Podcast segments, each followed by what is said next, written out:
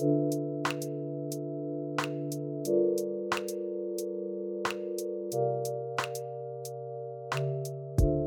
datang para anak rantau di Media Ministry AF Manila.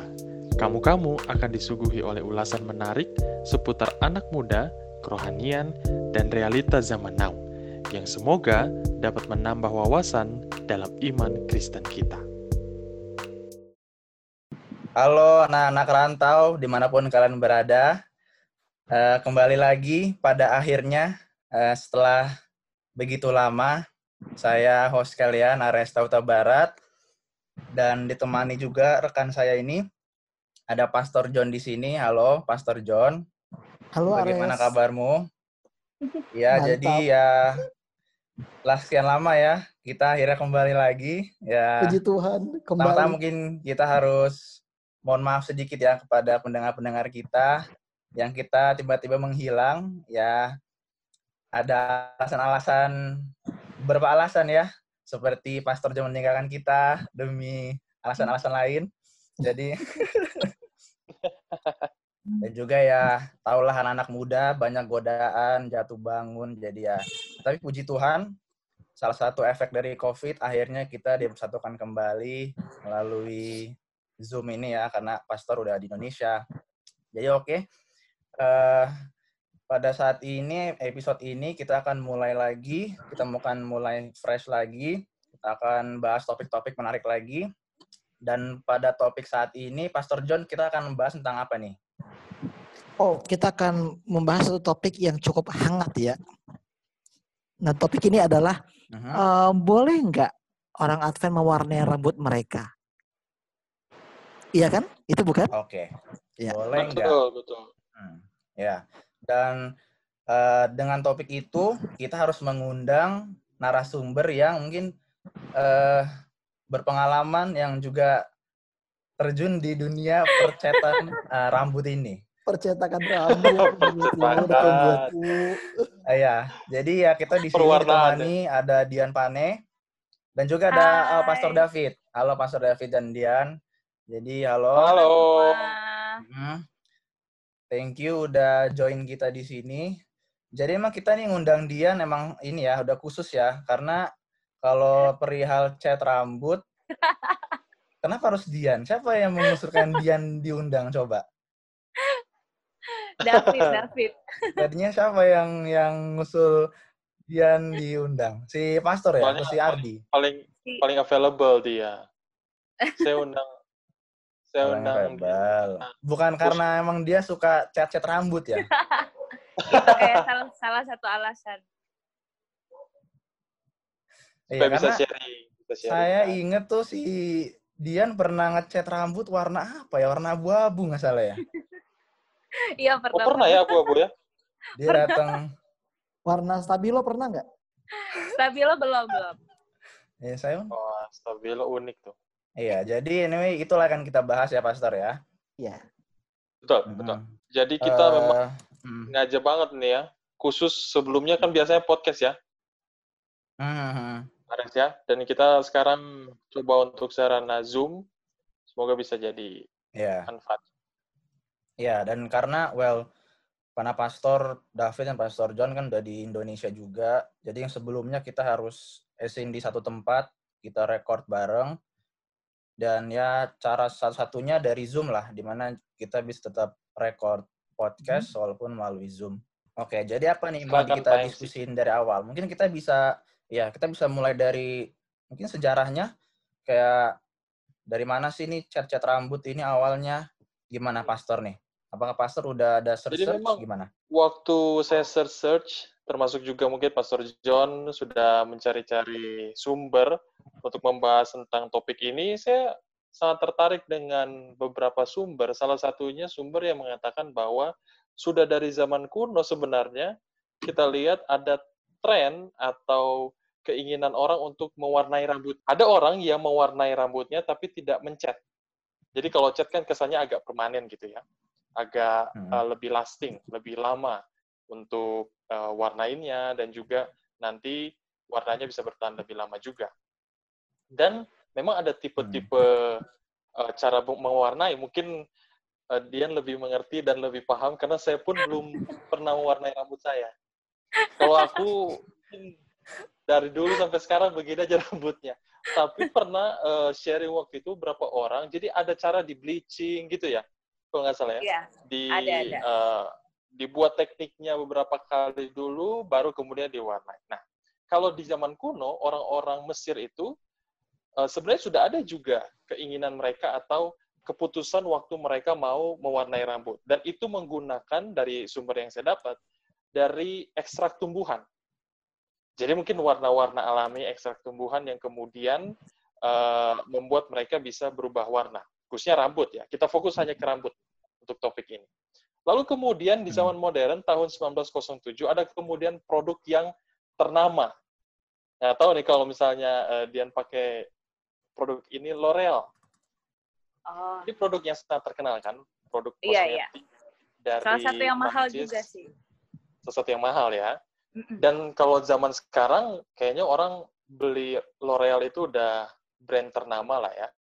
Udah terkenal. Tapi Iya. dulu tahun 1907 itu baru pertama eh, keluar sepertinya atau mereka kemudian mencetuskan ide untuk mewarnai rambut. Nah, ini kemudian bergerak sampai industri eh, teknologi maju, industri eh, perkosmetikan lah istilahnya ya kosmetik, kemudian fashion, dan lain sebagainya, lebih komersial. Dan itulah kemudian para perempuan akan terlihat cantik ketika warna rambutnya menjadi eh, lebih menarik atau cenderung kepada warna tertentu. Nah, di sini akan kita bahas cara dan bagaimana juga mewarnai itu, eh, mewarnai rambut itu bisa sangat menarik. Dan itu mungkin yang bisa kita sharing di sini. Mungkin Don by the atau way, nanya dikit. mana? Hmm, hmm. Nah, mungkin nih nanya ke cowok-cowok ya. Eh, Pastor John, Pastor David di sini. Pernah nggak kayak punya selera tertentu, oh wanita ini kalau rambut warna ini saya lebih tertarik gitu. Pernah nggak kalian merasakan rasa itu? Rasa yang telah ada. Setelah ada. Kalau enggak ya, Mana? kan David dulu lah David. Kalau tahu saya kan. sih nggak ada ya. Dan nggak ada ya. pacar saya memang rambutnya dari dulu sampai sekarang begitu-begitu aja. Kalau lihat perempuan mungkin tergantung perempuan itu ya. Kalau perempuan itu memang sudah dari awalnya rambutnya pirang, blonde ya istilahnya, ya, Hmm. blonde, Hmm. eh, oke mungkin. Tapi kadang-kadang ada perempuan yang tidak cocok dengan wajahnya juga. Warna rambutnya tidak cocok dengan eh, Warna kulit warna ya. Warna kulit atau dan lain sebagainya ya. Itu dari perspektif manusia, perspektif eh, laki-lakinya. Tapi kalau overall saya tidak ada eh, referensi warna rambut. Nggak tahu kalau Pastor John.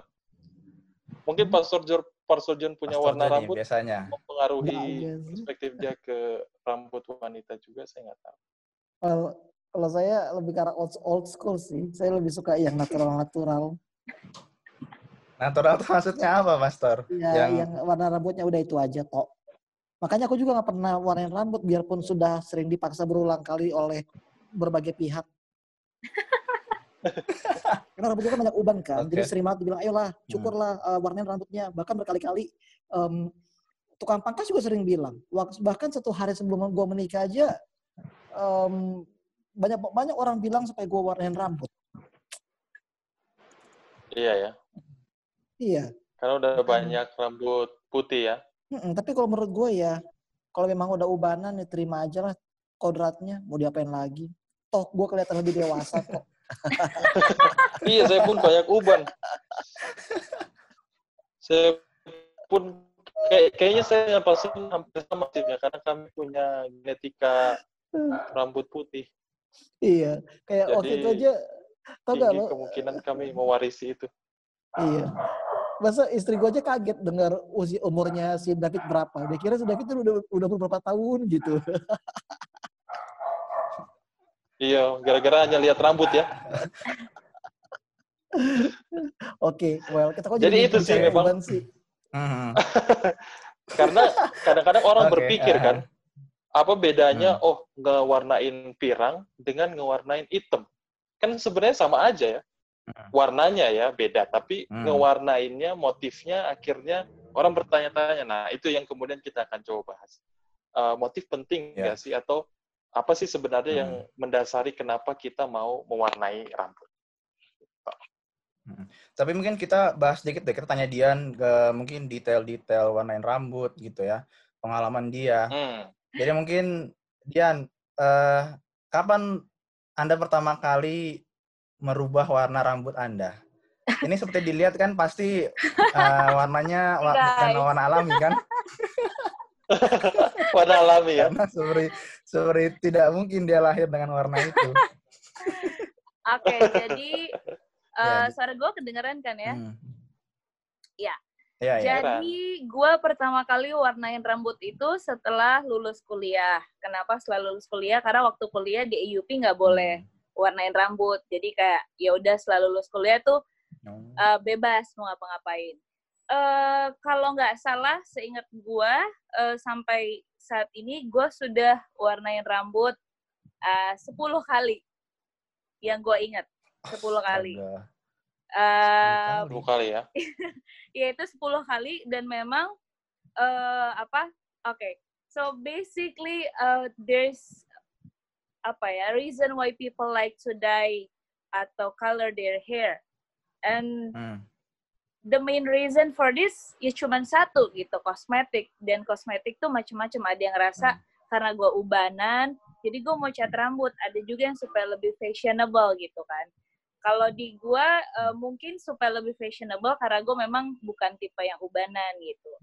Eh, yang menginspirasi diri gue untuk mencat rambut tuh sebenarnya nggak ada gitu. Mungkin karena waktu itu ya gue suka melihat dunia luar, terus gue kayak, eh kayaknya bagus juga nih mewarnain rambut. Meskipun sebenarnya mewarnain rambut itu nggak murah gitu. Kalau memang kita pergi ke salon yang oke dengan kualitas yang baik, eh, mewarnain rambut tuh macem-macem. Tapi sebenarnya bisa dibilang mahal sih, kayak ada yang sampai 8.000 peso, kayak gitu-gitu. Dan tergantung Hmm. eh, apa cat rambut yang kalian pengen. Jadi kalau kalian lihat kayak kemarin gue warna abu-abu, terus Kamelda pernah warna pink, itu tuh harganya lebih mahal Hmm. karena warnanya lebih cerah gitu, karena harus di bleaching dan segala macam gitu. Jadi kalau cuman yang kayak warna coklat biasa, itu bisa lebih murah sih. Em, sebenarnya kalau cat rambut kayak gitu-gitu rugi sih sebenarnya. Yang pertama mahal dan itu cuman bisa stay selama dua minggu. Dia bisa stay sebulan kalau kalian rawat bener-bener rambutnya. Tapi kalau seandainya kalian nggak rawat bener-bener, cuma bisa dua minggu. Itu kalau catnya yang yang kayak ombre, belayage, highlight, maksudnya yang warnanya eh, oke gitu. Kalau kalian lihat kok orang bisa warna abu-abu, hijau, biru, segala macem. Eh, nah itu biasa lebih mahal karena dia harus di bleaching gitu kan. Pertama mahal.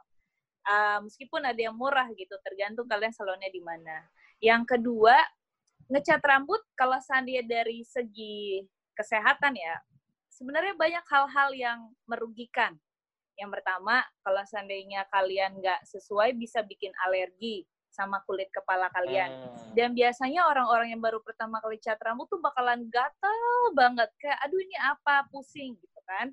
Kemudian yang paling parah bisa menyebabkan, jadi kalau cat yang memang uh, kayak murahan dan nggak bagus, itu bisa bikin cancer.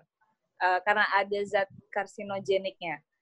Kemudian uh, untuk orang yang sedang mengandung biasanya nggak disarankan untuk cat rambut karena itu bisa ngerusak uh, kalau nggak salah uh, kulitnya si bayi gitu kulitnya si janin makanya kalau orang yang hamil biasanya nggak boleh cat rambut semacam itu. Jadi sebenarnya kelebihannya cat rambut ya itu cuman kosmetik doang. Dan setelah kita cat rambut, alhasil adalah rambut ya kita tuh jadi rusak gitu, jadi bercabang. Kenapa rusak? Terlebih lagi yang di bleaching. Kalau di bleaching itu artinya adalah pigmen rambut kalian yang warna hitam eh, dihilangin. Jadi rambut kalian tuh nggak Hmm. nggak ada pigmen hitamnya. Kenapa di bleaching? Supaya pas dikasih warna, warnanya itu lebih kelihatan gitu, lebih cerah. Kalau orang yang rambutnya hitam nggak di bleaching, warnanya nggak kelihatan gitu. Makanya kenapa orang sampai harus di bleaching dan yang bleaching itu yang bikin mahal harganya kayak gitu. Jadi gua gua udah lupa berapa kali gua bleaching yang pasti gua sudah 10 kali dan memang sebenarnya uh, rambut jadi rusak gitu kan. Cuman uh, caranya biasanya kalau supaya rambutnya sehat lagi ya tunggu sampai uh, rambut yang baru tumbuh lagi kayak gitu. Jadi uh, sebenarnya sih keuntungannya cuman lebih fashionable aja sih kayak gitu nggak ada keuntungan lainnya jadi gitu, fashionable gitu, ya kayak ikut tren Iya, fashion betul, yang betul. terkini gitu ya. Iya, iya. Hmm. Tapi untuk segi kesehatan rambut itu sendiri sebenarnya kalau terlalu sering agak uh, negatif ya pengaruhnya ya. Iya, Kurang jadi bagus biasanya uh, uh, biasanya kita kita uh, karena gue udah sering cat rambut, jadi gue uh, peraturannya adalah biasanya kalau sudah enam bulan baru bisa cat rambut lagi gitu. Jadi kalau masih dalam kurun waktu enam bulan sebaiknya jangan karena rambut bisa rusak kayak gitu gitu. Jadi ada jangka waktunya. Hmm, menarik ya. Menarik, menarik. Pak Aris nggak pernah lihat- potong eh potong rambut, warnain Oh, rambut. belum. Aduh, belum dan nggak mau lah. Saya juga karena kadang takut malunya ntar takutnya kelihatannya nggak cocok gitu loh. Kan susah kalau harus cat hitam lagi tuh gimana ya? Apalagi kalau cowok gitu kayak malunya tuh lebih gitu kalau udah gaya-gaya cat rambut terus akhirnya jelek. Tapi well ya gue lihat juga sih beberapa cowok cat rambut ya hasilnya bagus sih. Cuman ya nggak untuk semua orang lah Iya, iya. gitu. Eh, oh ya, Biasanya yang kulitnya BTW hitam sih nggak cocok biasanya. Iya Udah ya, hitam nah itu kan, lah. terus nggak good Hmm. looking lagi. Terus kayak Jadi agak nyindir ya kelihatannya. ya. kayak si Yong ya, lah mungkin kan. orang kayak jangan lah mungkin ya. Waduh. Oh iya ya, kayak emang menarik ya. Arsindo Yonglex itu kan. Hmm. Iya. Young Lex, benar-benar. Gimana Pastor John? Em, lu tanyanya dari perspektif perspektif apa ke gua? Mau dari perspektif apa kira-kira yang enak? Hmm, tapi Kalau pengen tanya sih. kalau istri Kenapa? Kalau kalau istri pastor Alkitab gimana? Nah itu dia. Tadi Aras mau nanya apa, Res? Nah, enggak, enggak, misalnya kalau istri pastor minta cat rambut, gimana tanggapanmu? Oh, dia dia dulu udah berkali-kali sih kayak minta dia bilang sih boleh nggak cat rambut aku bilang udah bagus kok natural Ini penolakan tapi yang halus sih ya, sekarang bagus itu bagus. sekarang itu kalau notice banyak ibu-ibu pendeta yang rambutnya udah diwarnain juga notice Iya. iya nah Dan makanya nggak beberapa tahu. ada juga yang punya salon sih. Gua Oh, iya? tahu. Hmm, Mm-mm. oh Di jadi Indonesia ya? Aha, Iya, aha. di Indo. kayak tadi kan Oh. dia nanya kan itu sebenarnya boleh atau enggak nah ini sekarang kita masuk ke area yang gimana ya yang zaman ini tuh udah bersifat abu-abu karena kayak tadi gue bilang banyak ibu pendeta yang rata-rata rambutnya itu udah dicat mungkin alasan mereka itu karena Hmm. uban itu biasanya ya bener kan rata-rata kalau uban tapi ya memang ada juga beberapa beberapa itu Iya, diwarnai iya. memang karena benar-benar fashion contohnya masa warna rambutnya itu matching banget sama bajunya kan itu pasti intensional kan Kayak ini ya, sengaja banget gitu ya. Karena ada Nah, warna Nah, bajunya gue nggak jadi warna sengaja. rambutnya Gue cuma gue cuma notif, gue cuma kasih tunjuk aja. Kadang-kadang ada beberapa warna rambut itu matching sama baju. So antara bajunya disengaja atau rambutnya disengaja. Dan memang kita lihat budaya itu begitu kental ya, Pastor ya. Kayak di Hmm. Indonesia mungkin karena kebanyakan kita rambutnya eh, gelap, hitam gitu. Iya. Sekali yang ngejreng gitu kayak mungkin saudari Dian jalan ke gereja di Indonesia, gereja Advent gitu, pasti langsung jadi pusat perhatian. Gitu. Atau mungkin Mm-mm. ibu-ibu pendeta yang sudah ngejreng warnanya. Tapi kalau di Amerika kan budaya barat emang sebenarnya blonde itu udah sering gitu kan. Iya, iya. Jadi- Blonde, blonde itu banyak. Underlying motif itu kayaknya yang perlu kita tentukan sebenarnya. Dan kalau di Filipina juga hampir semua gue lihat sih pasti kebanyakan orang udah rambutnya dicat sih antara cat warna emas atau yang coklat-coklat kayak Dian gitu. Mau dia kulitnya agak gelap atau terang, pasti udah kayak jiplak lah kalau kalau gue lihat. Iya ya. Hmm. Itulah kemudian kalau kita lihat ya, saya coba mungkin Pastor uh, John juga nanti bisa menambahkan dari sisi Alkitab. Karena tadi uh, Mhm. dari Dian juga sampaikan gimana sih Alkitab bilang. Sebenarnya memang nggak Ya. ada ya eksplisit. Kamu nggak boleh warnain rambut. Atau kamu boleh ngewarnain rambut. Ada contoh Alkitab yang uh, kemudian kita bisa, oh ini ngewarnain rambut, oh ini enggak. Agak sulit memang. Tapi orang sering mengambil teks ini nih. 1 Samuel 16 ayat 7. janganlah pandang parasnya atau perawakan yang tinggi sebab aku telah menolaknya bukan yang dilihat manusia yang dilihat Allah manusia melihat apa yang depan mata tapi Tuhan melihat hati. Nah kadang-kadang kita bisa uh, dikecoh oleh ayat ini tuh kadang-kadang oh, oke okay, mungkin karena uh, Tuhan melihat hati kita bebas mewarnain apa aja.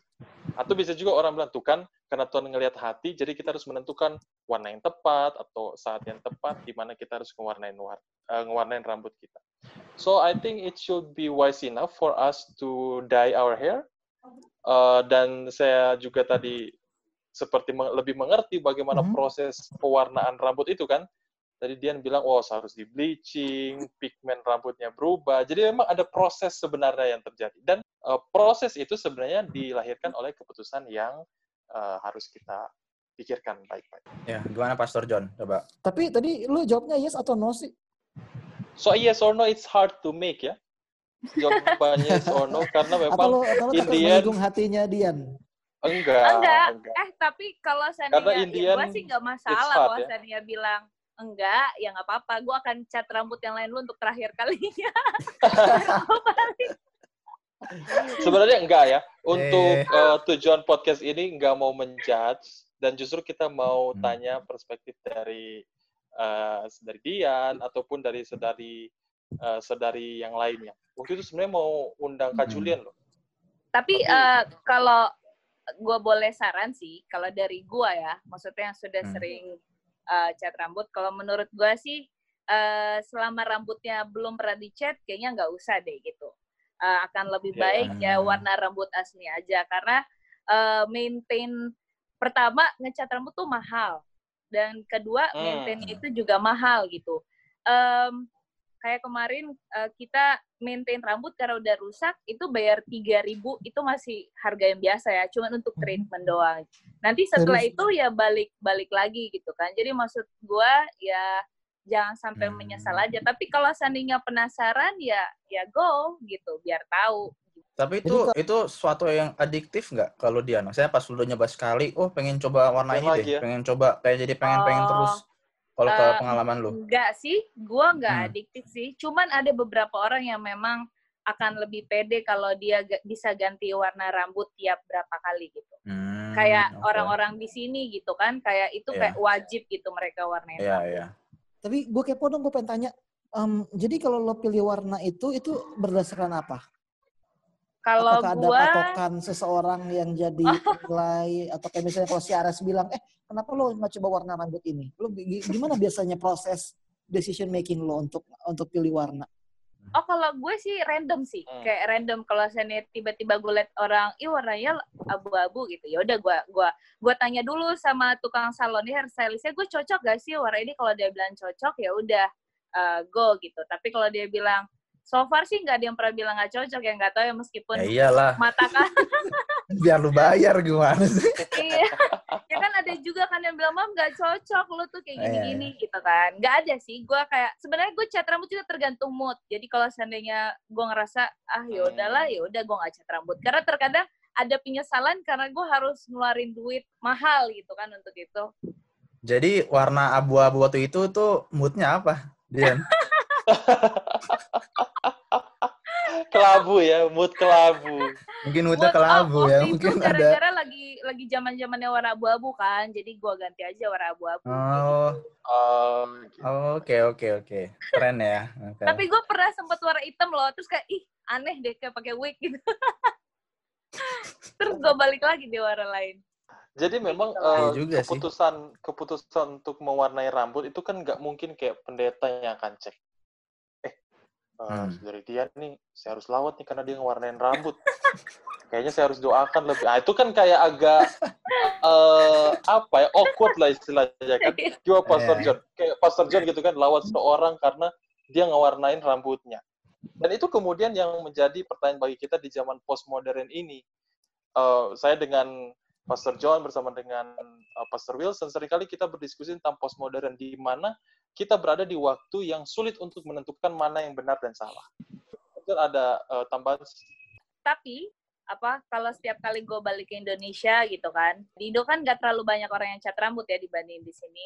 Uh, memang beberapa orang masih yang kayak kalau cat rambut tuh kayak sesuatu yang ih kok rambutnya warnanya kayak gitu sih? Entah sirik atau enggak tapi masih ada beberapa orang yang kalau ngelihat orang warna rambutnya di luar hitam tuh kayak sesuatu yang aneh gitu. Apalagi orang tua gitu. Nggak semua orang tua memperbolehkan anaknya untuk cat rambut kalau di Indo gitu kan.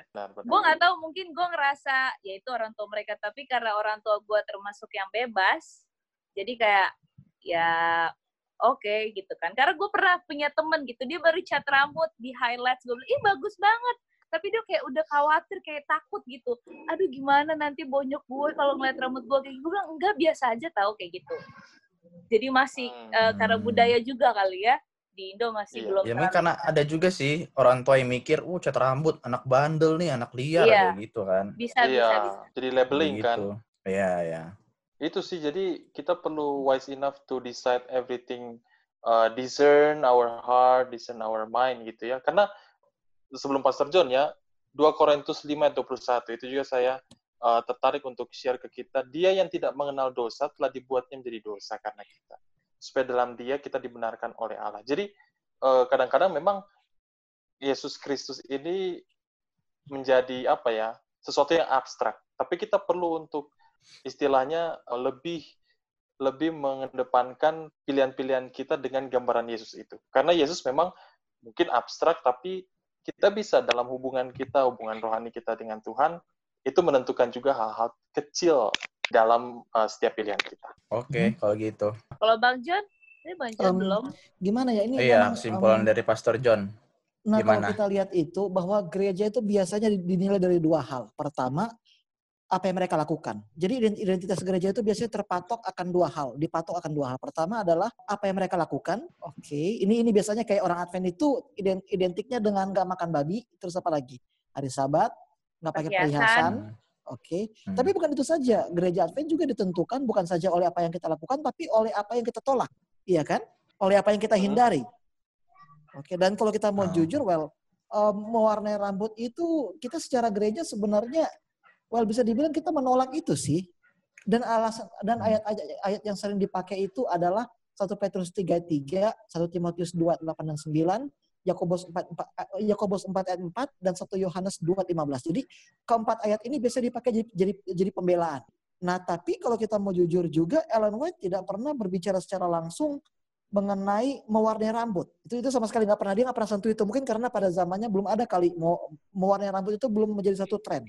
Tapi di dalam konsep dress reform Ellen White itu penekanannya itu selalu berada dalam pola pikir yang berpatokan pada strata masyarakat. Nah ini ini yang perlu kita penting, ini yang perlu kita um, kita pelajari lebih dalam lagi karena Alan White kan sering bilang kan bahwa kita tuh kita itu tidak bisa mengikuti tren yang ada. Contohnya waktu di zaman di zamannya Alan White dia menasihatkan supaya rambut itu nggak usah di um, dikuncir-kuncir segala macam dan nggak perlu juga baju itu terlalu panjang.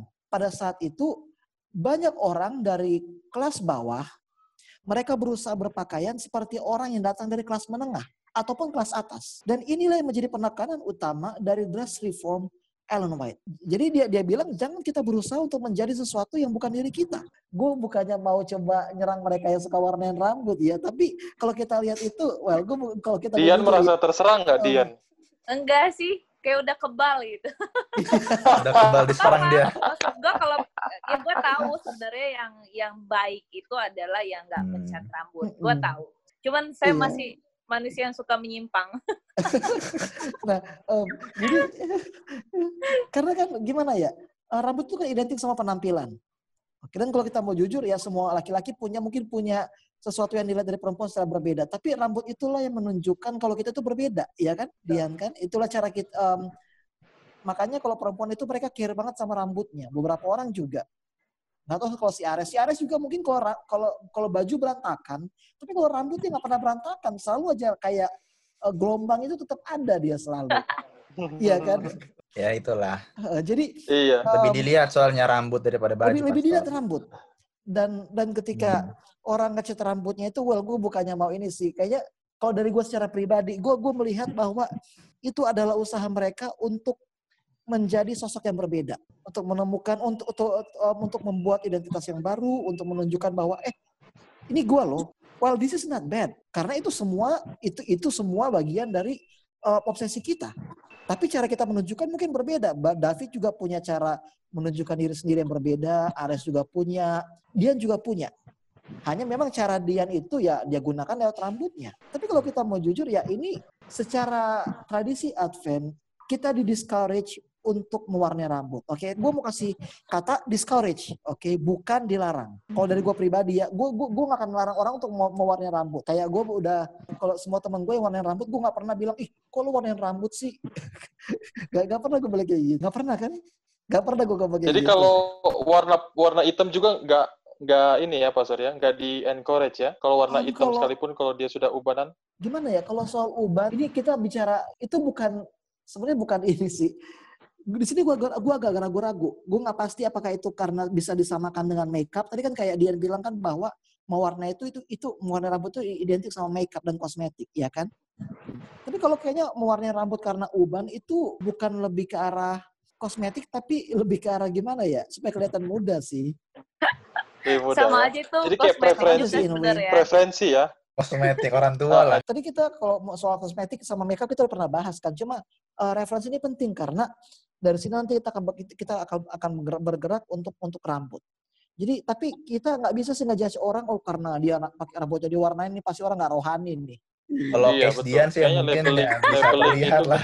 Kayak waktu itu kan si Jack, si Jack kan, uh, abang abang abang gue kan itu warnain, warnain rambut kan. Dia di, di, dia waktu itu potong rambut sama temannya. Terus temannya traktir warnain rambut. Eh ternyata warna rambut itu yang murahan banget. Jadi tiga hari udah jadi udah jadi udah jadi pirang coy. Karena menarik ya. karena luntur. Eh, jadi kalau gue bilang harus dua kita harus ada lihat dua, dua motivasi berbeda. Pertama adalah apakah saya melakukan ini untuk terlihat berbeda untuk untuk untuk menjadi unik? Itu yang pertama.